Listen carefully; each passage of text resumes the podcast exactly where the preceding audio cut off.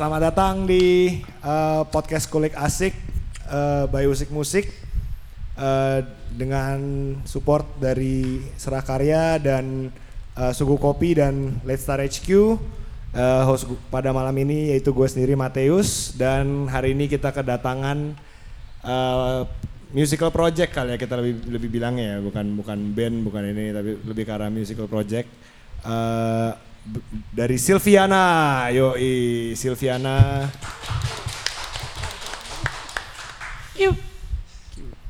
Boleh diperkenalkan pak yang ampunya? Halo, eh, nama gue Andika Silviana Putra. Jadi secara singkat, Silviana itu nama gue sendiri. Hmm, project gue yang gue bikin sekitar tiga tahun lalu, 2016. Um, project gue ini solo, tapi formatnya band. oke oke oke jadi uh, project solo formatnya band Iya. tapi personil ininya mostly berarti Additional, tapi udah kayak keluarga sendiri. tetap ya additional tapi tetap ya Amin, amin. Gua aminin sih. Males juga gue gantinya. boleh untuk yang format ini dikenalin juga ini Oh ya, ini BK dia backing vokal, eh, Bejo main vokal, Eric drum perkusi. dari drum perkusi kayak kayak kenal loh yang yang sebelah sana bapaknya Kenal dia. dia emang Oke, berarti tadi lu udah sempat jelasin soal arti nama Silviana juga ya. Jadi sebenarnya dari nama lu dan format projectnya itu eh, berformat lebih ke arah band sebenarnya. Jadi bukan cuman sekedar lu yang di depan sebagai solo artis atau gimana Iya. gitu ya. Tetap Oh. dari mana pun ini. karena gue nggak bisa nyanyi sih.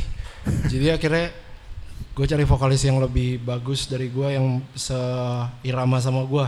Bukan selevel ya tapi seirama. Kalau level apaan coba? Tapi kalau seirama tuh masih bisa dicari. Ya dapat deh. My baby. Kalau boleh tahu nih gue sejarah terbentuknya project ini nih gimana nih? Oh, jadi waktu itu gue masih ngampus di salah satu kampus terhebat di Karawaci, jurusan musik. Terus gue Disama- tuh, disamarkan namanya. ya? ya disamarkan aja lah. Jadi gue dulu uh, base-nya sebenarnya main musik-musik yang kontemporer kayak jazz, blues dan segala macam. Tapi akhirnya gue mulai bosan. Soalnya gue nggak dapetin feelingnya lah ibaratnya di situ. Akhirnya gue kenal sama Erik di salah satu tempat tongkrongan di sana. Gue akhirnya coba denger-denger metal, denger-denger prog dan segala macam. Dari situ kita ngekos bareng dan segala macam. Gue akhirnya bikin lagu. Erik bilang ke gue, Beng, lu kenapa nggak seriusin aja project lu? Iya juga ya. Nah dari situ deh, mulai gue cari-cari orang, terbentuklah Silviana. Oh jadi dari awal nih emang sebenarnya salah satu yang Iya. ngebantunya juga Iya. Eric juga dari awal ya. Ah, emang. Dari awal banget. Iya, gue udah lima tahun apa kenal sama dia, ya segituan lah. Kayak kayak 20 tahun. Iya, 28 tahun. Umurnya berapa ya Pak? Erik masih muda, oh masih muda ya? sih. Dikenalnya Mukanya. dari kecil lah ya gitu. matanya doang tua. Oke. Eh, kan kalau dari musik lu sendiri nih yang gue dengerin ya tadi dan lu juga bilang kan lu ada dengerin dicekokin lah istilahnya dicekokin Erik macam-macam gitu kan dan lu sendiri juga banyak apa ya kayak melalang buana dengan perjalanan musikalitas itu bahasa yang bener atau gue nggak tahu. Iya, iya.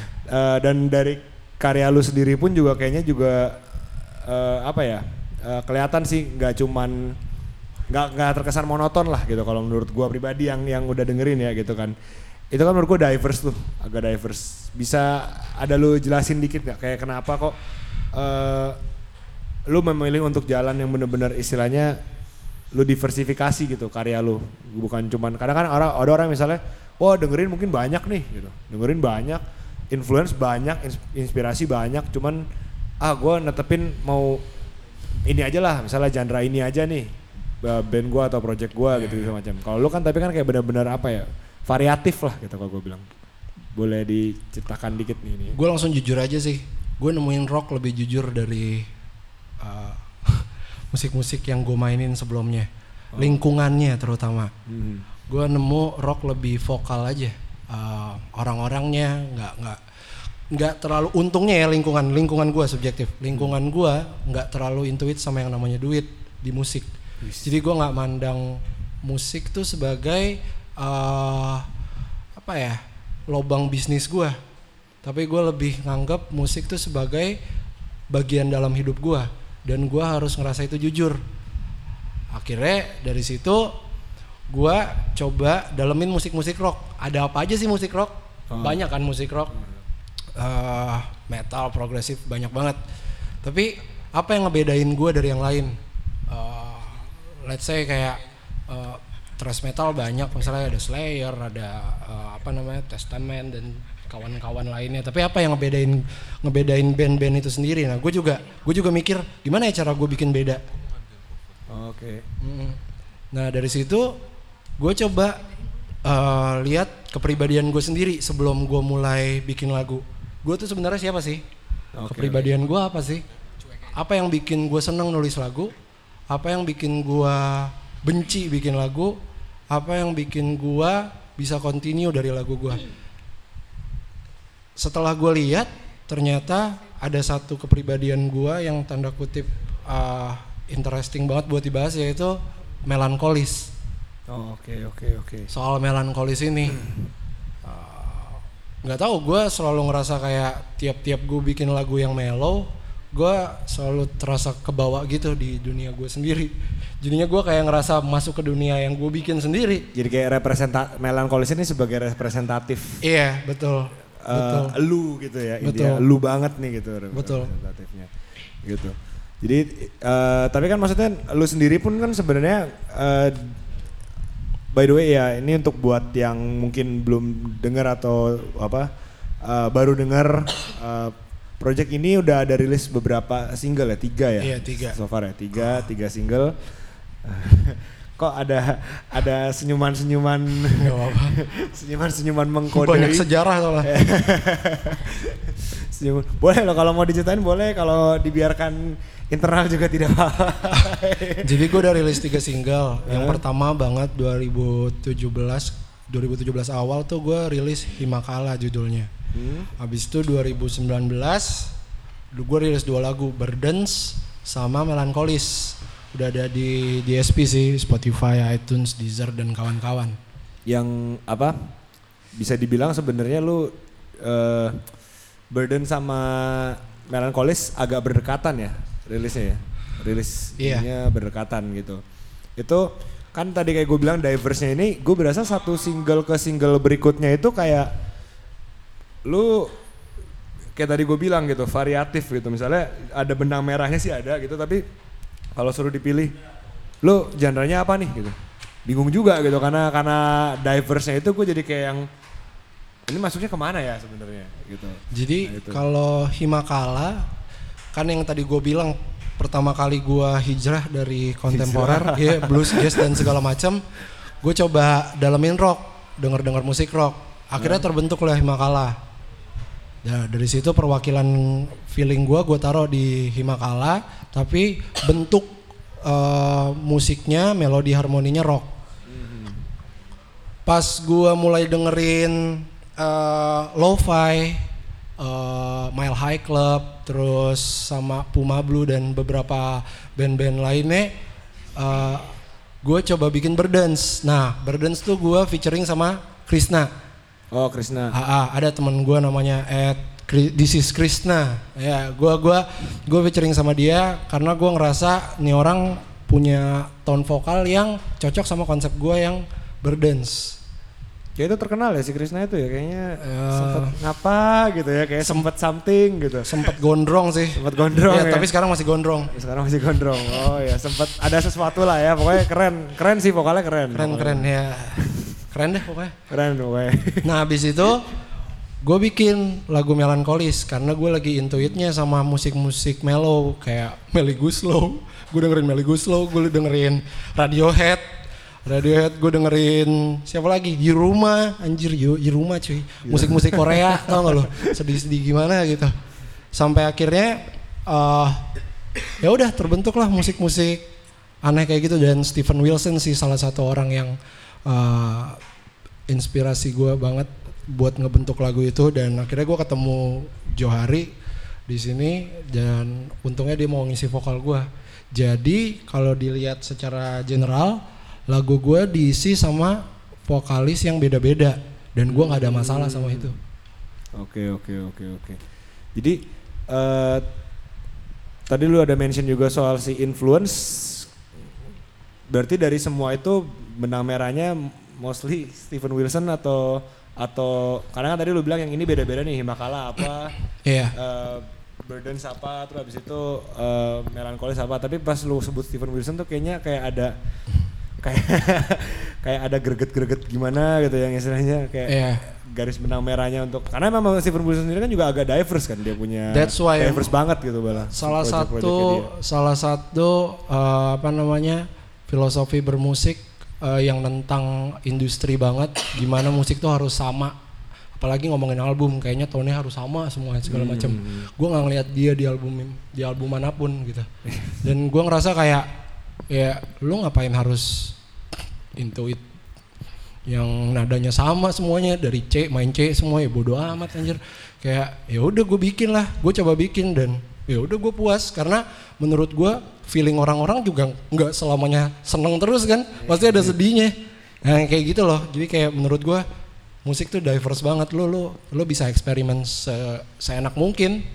Kalau lu di industri independen Industri Nah, kalau di major ya derita ya cerita ya masing-masing lah kecuali lu emang demen nyanyi doang kalau nggak ngapain itu serah lu. selera sih Selera. gue nggak ngina cuman kayak ya udah bebas suka suka gue mau yang penting orang suka gue juga nikmatin berarti lu kalau yang gue tangkap lebih apa ya nggak men- mengotak-ngotakan lah ya istilahnya nggak harus kayak oh gue prok banget nih gue ini banget nih nggak ada nggak ada Iya. kotak-kotakan itunya ya Benar. sip sip sip sip sip itu apa istilahnya ya jadi nggak membosankan juga gitu ya kayak misalnya orang dengerin satu ini lo kayak kayak ibaratnya kayak roller coaster ride aja gitu Betul. kadang di atas kadang di bawah kadang lu diputer-puter kadang lu Iya. gimana gitu kan nggak cuman flat gitu kayak jalan tol gitu kan bosan kan kalau jalan tol kan rata gitu kan rata kok kalau ngomong rata Erik matanya langsung Setuju gua bener. ngomong di mic mas Nggak, setuju kok gua bener. Oh setuju ya bener ya. Ntar gue sambil sambil ini cont ini di balik ini ada contekan. mantap lah semua juga nyontek kan Gak ada contekan gue mati nih kalau nggak ada contekan gue nggak lulus nggak ada yang lulus kalau nggak ada contekan Lo kalau recording nyontek juga nggak? Atau enggak? Atau cuma sekuarnya aja? Atau songwriting gitu? nyontek pasti nyontek Nyontek. nyontek Nyontek apanya nih? Uh, lirik terutama gue nggak hafal lirik gue sih Nah, Ntar manggung live ada contekan? harus dihafalin sih mampus Siapa nih? Lu boleh boleh jelasin dikit nggak nih kalau misalnya kan kalau lu mau bikin contek kalau lu mau nyontek kan lu perlu bikin contekannya nih. Berarti ibaratnya kan lu perlu ibarat musik berarti kan bikin contekannya nih berarti songwriting kan, proses songwriting nih. Dari proses songwritingnya gimana? Apakah pure total lu semua dulu habis itu lu kasih ke mereka atau basically ya gua ya rata-rata gua sendiri cuman lucunya secara nggak langsung apa yang gua tulis gue experience bareng mereka mereka ini Oh, Oke oke. jadi oke. gini ini lebih deep sih let's say ngomongin melankolis Ah, melankolis tuh sebenarnya gue ada sejarah dikit ya Iya, iya, Melan- melankolis tuh eh, dari bahasa sebenarnya terbentuk dari bahasa ini Greek Yunani namanya Melaina Kole. Um, me- melan Melaina ini artinya dark black, Kole ini fluid eh, cairan. Jadi melankolis tuh zaman dulu dokter-dokter zaman dulu bilang tuh orang yang punya eh, humors atau keadaan kayak gini, dia tuh kayak dalam tubuhnya tuh kayak ada racun yang bikin dia tuh tiap hari jadi sedih, tiap hari jadi keadaan murung dan segala macam. Padahal nggak gitu. Nah, Oh, oke oke. dari situ makanya kalau denger tadi lagunya rada-rada minor-minor gimana gitu. Iya, iya. Ya kan nggak ada seneng-seneng anjir bikin orang jadi kayak apaan anjir nih musik nggak jelas banget. Nah, eh, melankolis proses songwritingnya tuh mulai dari patah hati biasalah patah hati patah hati gitu broken heart broken heart gitu basi lah yang kayak gitu. Eh. Tapi itu lumayan lumayan apa namanya? Bikin gua jadi terinspirasi bikin lagu dari hal-hal yang sifatnya tuh depresif. Oh, oke oke. oke, Iya, Oke oke. sifatnya depresif. Terus mulai masuk step berikutnya, lu udah mulai kerja, lu udah mulai mulai cari channel dan segala macam. Lu ada lagi tuh depresi yang lain lagi. Ibu lu kenapa, bapak lu kenapa, temen lu kenapa dan segala macam. I mean kayak melankoli sebenarnya ngungkap satu em, realitas yang ada di dunia bahwa manusia itu nggak bisa terpisah dari namanya kesedihan. Cuman lucunya realita milih untuk lebih eh, kepuasan eh, yang tanda kutip tuh sifatnya tuh seneng. Ya nggak ada masalah sih seneng. Maksud gue bukan happiness ya lebih kayak cheerful dan ya something yang asik-asik aja nih. Hahaha. Padahal sebenarnya ya itu juga bagian, sedih juga bagian. Iya. Kayak semacam denial gitu. Nah melankolis itu cenderung buat untuk menikmati kesedihan. Oh, kok jadi kayak yin yang gitu ya? Lu butuh si putih buat si hitam ada. Iya si sebenarnya si sebenarnya pilihan ada. sih ya. Cuman melankolis emang emang cenderung di hitamnya tadi itu, darknya tadi itu. Oh, oke oke. Mm-mm. Kenapa kenapa cenderung di situ? Karena gue ngelihatnya eh, tanpa kesedihan orang nggak bakal belajar. Orang nggak bakal belajar buat ngerti apa itu eh, apa namanya susah. I mean kayak lu nggak mungkin cuy kayak eh, sorry ya maksud gue eh, lu nggak mungkin kerja, eh, kerja ngandelin orang tua lu mulu. Pasti lu bakal kerja sendiri gitu buat buat ngerti namanya susah buat ngerti namanya diremehin sama orang dan segala macam. Sampai akhirnya lu ngerti tuh meaning gaji itu apa meaning duit yang lu uh, apa namanya lu cari itu uh, bukan nominalnya tapi kayak meaningnya arti Iya, dari semuanya itu. ya lu harus ngelewatin itu. Nggak bisa seenak jidat bokap lu. Kayak gitu sih yang gue lihat kayak we have to experience sadness in order to gain wisdom or happiness. Oke oke oke. Jadi kayak itu part of itu ya part human of being iya. Human being ya. Terus untuk eh, lagu-lagu yang lain, apakah prosesnya juga sama juga? Burdens dan Himakala? burdens iya. Burdens iya. Kalau himakala tuh himakala tuh ngomongin soal penyendirian. Jadi waktu itu gue ke Rancaupas sendiri. Rancaupas tuh di Bandung Bandung Selatan apa Utara gitu. Pokoknya gitu dah jauh. Gue camping di hutan. Habis itu gue cuman cengok doang ngeliatin alam. Habis itu gue bikin dah lagu. Udah buat ngerasain yang namanya kesendirian tuh kayak apa? Oh, tanpa faktor eksternal atau gangguan eksternal atau gangguan internal gitu. Kalau untuk kayak personilnya sendiri, begitu proses tadi kan songwriting ya. Iya. Begitu masuk ke proses recording, lu kasih mereka kasih apa namanya? Kasih mereka kayak lagunya. Ini live ya, jadi harap maklum kalau itu berarti Santai. rame orang. anyway, anyway, begitu lu masuk ke rec- apa proses recording itu, apakah lu kasih kayak ini logo nulis lagu begini, misalnya gue nulis drum partnya misalnya ya, ke drummer lu atau ini melodi line lu mau vokalnya kayak begini nih, kayak gitu-gitu itu gimana prosesnya? Ataukah mereka gue bikin pokoknya basicnya gue nyanyi eh, pakai piano begini, sisanya lu main sendiri lah yang menurut lu enak gimana kayak gitu. Sebenarnya dari sisi komposisi nggak banyak yang dirubah. Tapi dari segi tonal, segi selera apa namanya, misalnya kalau drummer ya, selera sound snare, sound cymbal dan segala macam itu disesuaikan sama sound engineer-nya. Gue tinggal bilang bikin yang enak, that's it. Vokal juga gitu. Dia pasti bakal ngasih masukan ke gue, begitu juga gue. Tinggal cari jalan tengah, jadi kita nggak ego masing-masing. Oke, kalau misalnya dari yang apa eh personil lainnya yang maksudnya ego nggak masing-masing gimana? Boleh dijelaskan masing-masing? Ya, ada misalnya kayak kontribusi lu kalau dibikin gini gimana gitu ke ke Benga eh ke Andika ke Silviana ke Silviana Nggak apa-apa, cuy, itu nama lain gue. Mau mau uh, abang jelasin sekarang. ya silakan bang. Waktu dan tempatnya persilakan bang. Nah, eh, sebetulnya sih kalau mau ngomongin proses recording kayak kayak gua nih, gua kan di sini kan eh, additional drummer juga. Mostly gua langsung terima materi dari dari si Andika. Itu full. Emang udah ada piano, gitar, vokal, bahkan drum. Meskipun drum itu pun sendiri masih MIDI. Nah, jadi eh, yang gua lakuin sih biasa sebelum sebulan dua bulan menjelang recording ya gua latihan sebisa mungkin 100% semirip yang udah si Andika bikin. Meskipun uh, banyak kejadian juga waktu di hari-hari recording uh, ada beberapa ya, ya mungkin part, fill in atau apa segala macam yang kita cari lagi on the spot pas pas rekaman terus juga mengenai tone apa segala macam itu juga mostly sih yang gue lakuin sih gue sih cuman gue main terus gue coba tuning senyaman gue meskipun ujung-ujungnya secara tonal pun ikutin ke eh, arahan sesuai yang si Andi yang Andika mau. Karena mungkin emang to, eh, tone drum gue begini mungkin agak nggak suitable buat lagu-lagu yang udah si Andika bikin. Eh, mostly sih kita sih se- yang yang sama-sama cocok di guanya cocok di Andika cocok kita selalu cari sari tengahnya. Begitupun juga dengan personil yang lain sih. Oh, Oke. Kalau untuk vokal line dari Johan. atau Bejo, ya. Eh, gue juga ngerasa sedemokratis itu aja sih. Oh, Oke. Kayak mengambil jalan tengah dan segala macem. Sama gue kan sering tektokannya sama si sound engineer itu. Hmm, hmm, hmm. Ya itu dia suka ngasih saran segala macem sama si Andika juga kayak gitu sih.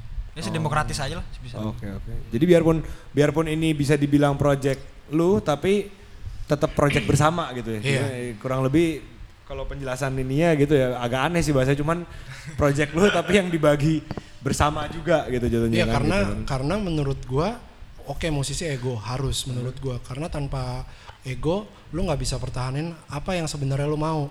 Cuman itu lumayan kontradiktif sama hal yang gue lakuin. Gue ngasih kebebasan mereka buat milih. Hmm. Lucunya di situ ada apa yang ngomongnya? Eh eh, semacam kristalisasi diverse gitu loh. Jadi kayak lucunya pas gue ego sama apa yang gue mau, ternyata mereka juga ngebentuk satu kristal. Kita tuh sama-sama ketemu di situ loh. Anjir nih kok jadi enak ya? Oh, oke oke. oke. Iya. Bukan Chemis- chemistry-nya jadi Iya, nyatu di situ gitu ya. Konsepnya tetap ego. Cuman pas di finishingnya atau di processingnya, gue kasih kebebasan mereka buat eh, kreatif di situ. Karena ya emang itu intinya. Hmm. Lo harus jadi part, jadi bagian biar lebih dapat feelingnya. Berarti agak apa ya? Ini gue mention satu band yang lu juga mungkin ada sempat mention ke gue juga off air. Hmm. Kayak agak-agak kayak Tim Impala gitu berarti. Iya. Kurang lebih konsepnya. Jadi kan Betul. band cuman sebenarnya otaknya Kevin. mainly ya di satu orang gitu Kevin kan. Parker, iya, benar. Iya. Oke oke oke.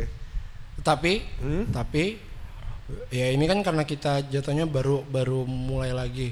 Gue juga udah bilang sih ke anak-anak kayak once kayak gue nggak mungkin nulis lagu sendiri. Hmm, Gue bakal butuh bantuan kalian dan experience kalian. Jadi tipikal Silviana tuh lu harus experience something dulu. Nggak bisa tuh misalnya ini ada batu nih warna putih yuk bikin yuk lagu soal batu putih apa anjir maksudnya gue gua nggak ngerti anjir nggak jelas. Tapi kita harus kayak ngobrol experience ex- dulu. sorry, experience ini dalam berarti merasakan atau musical doang toh? Apa atau apa nih? kita harus experience journey-nya dulu. Oh, misalnya oke, gue oke, pengen oke. bikin lagu soal sosial. Uh, misalnya ngomongin sosial politik deh. Ada event apa nih?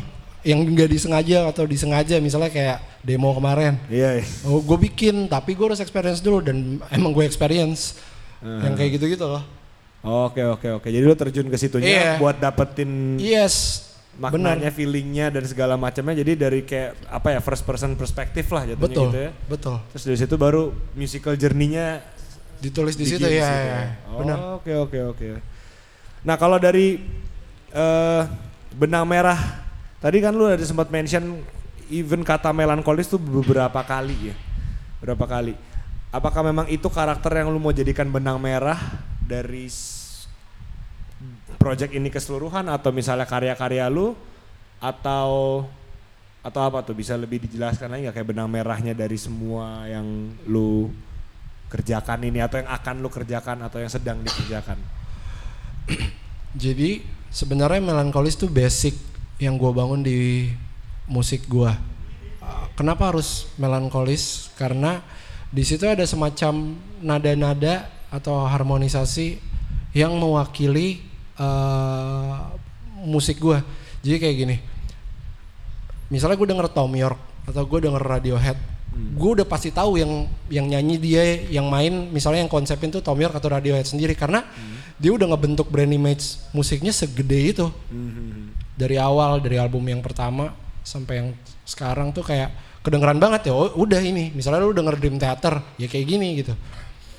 Atau lu denger Porcupine Tree ya kayak gitu. Nah gue juga pengen bikin itu tapi dasarnya apa? Dasarnya ya melankolis.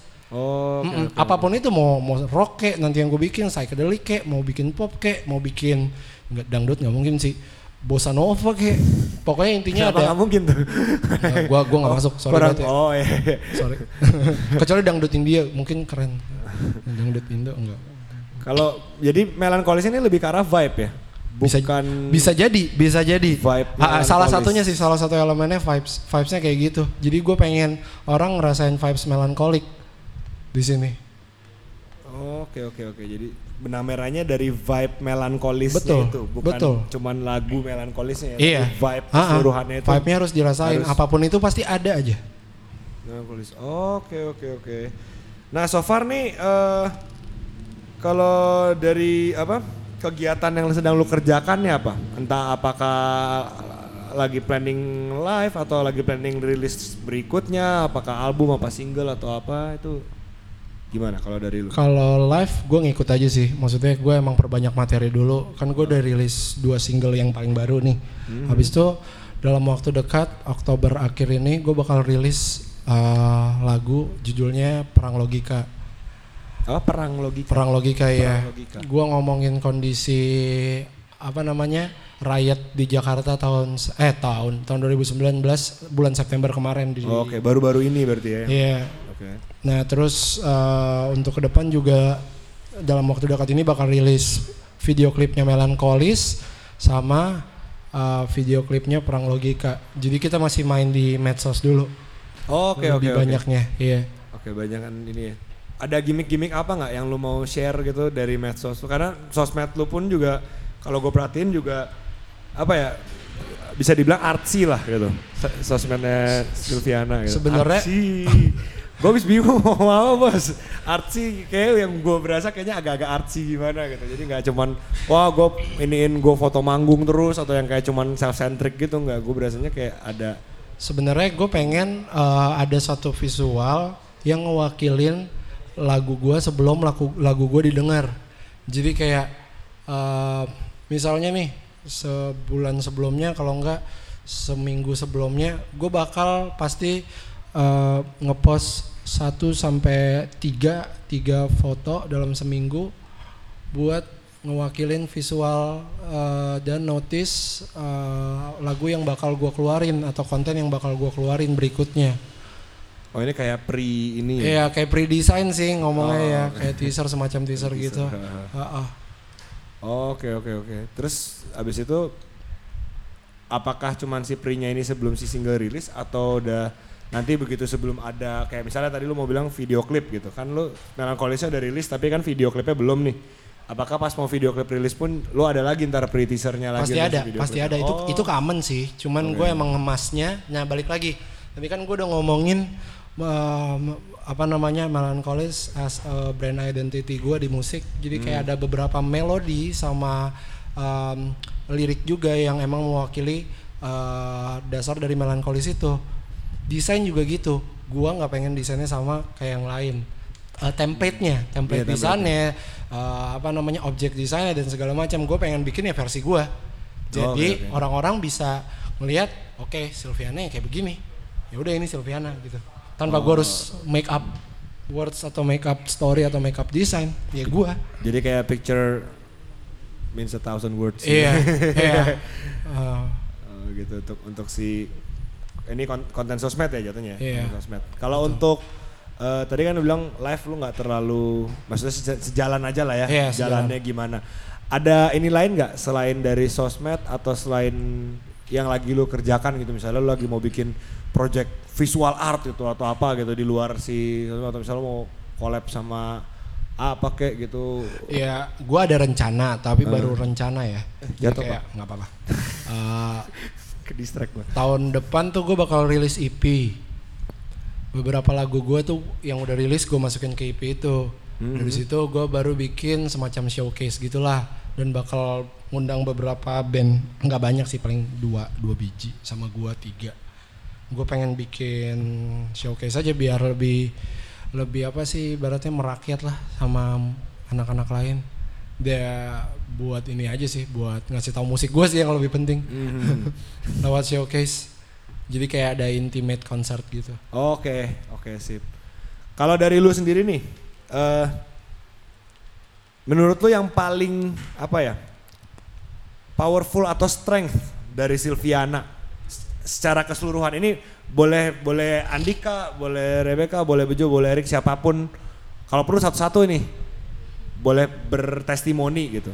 Oke. Strength baik dari individually atau secara collectively projectnya itu menurut lu strength yang paling lu ini apa? diversity-nya Eric eh gue udah kenal dia lama dia denger lagu-lagu macam siapa Rick yang main lagu-lagu jadul lu tuh yang lu biasa setel di iPod lagu jadul. iPod.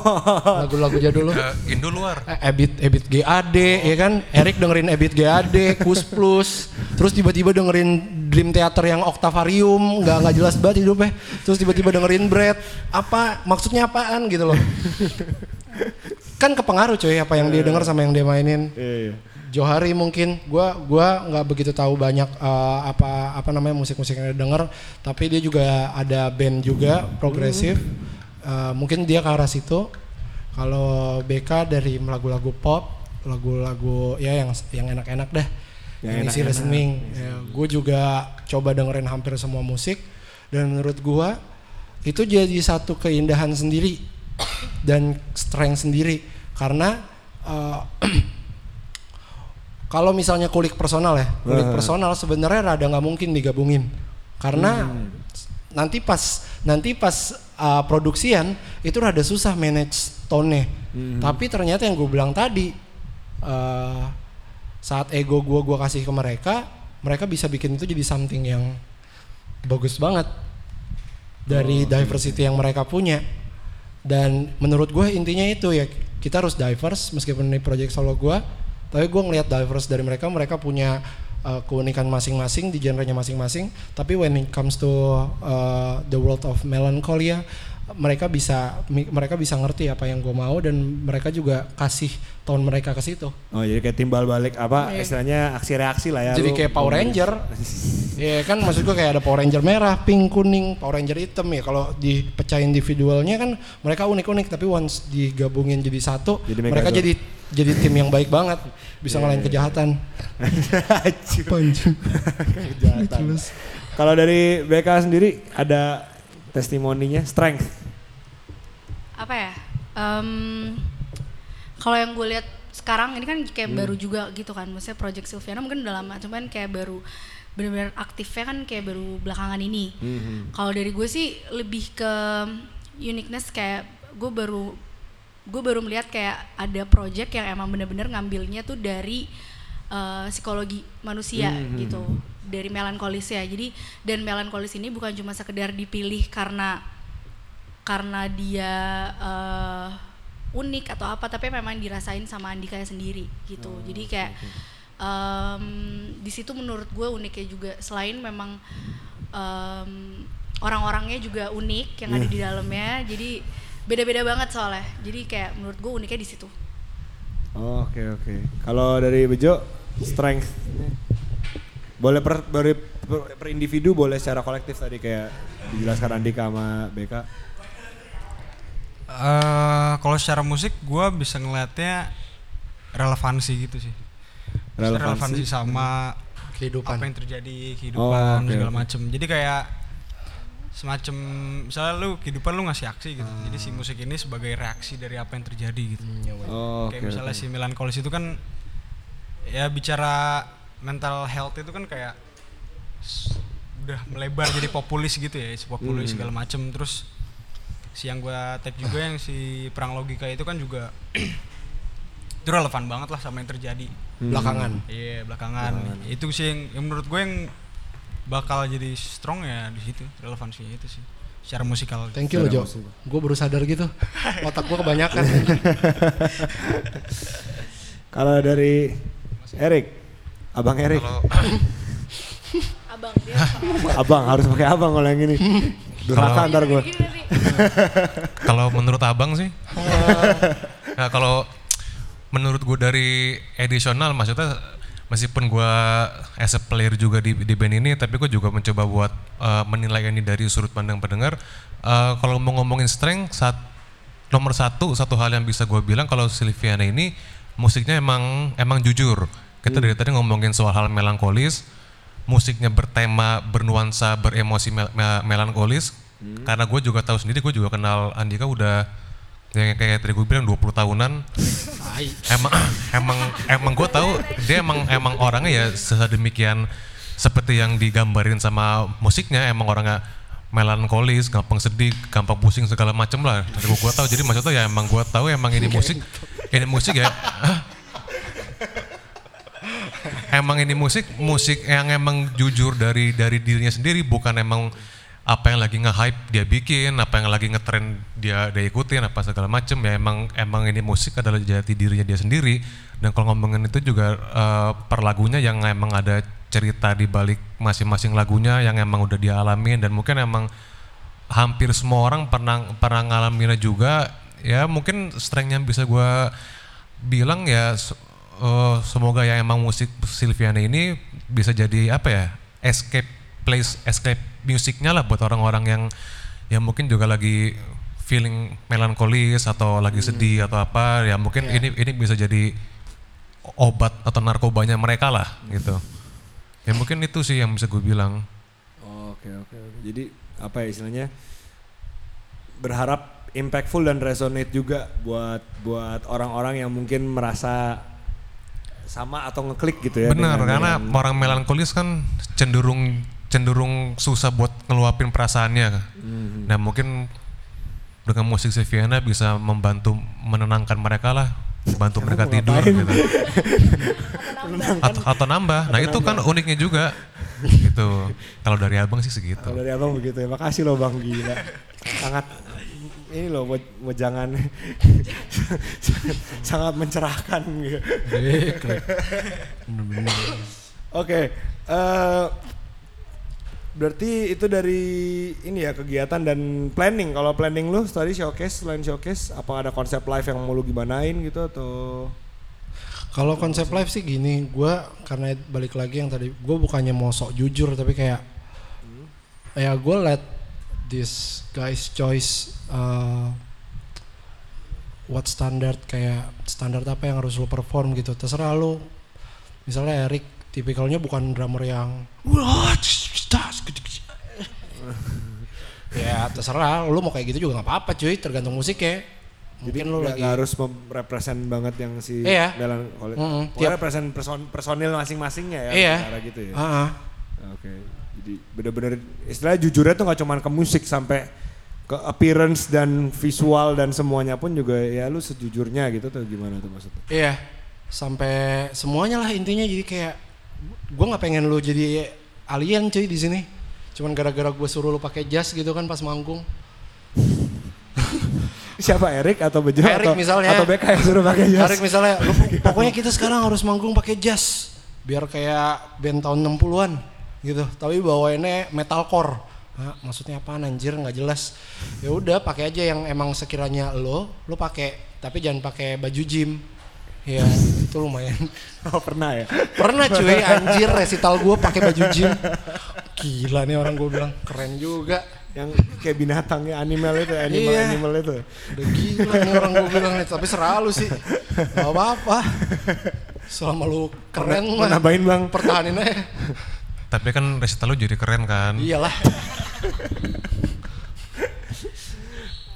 Oke untuk sosial media nih, sosial media mau setiap personil mau Silviana sendiri bisa di diketemukan di mana? Diketemukan udah kayak barang Gue hilang lebih intens pakai Instagram sih. Instagram. Kalau Instagram officialnya Silviana tuh di @silviana s y l v i a n a dot melancholia. Jadi ada c h o l i a. Hmm.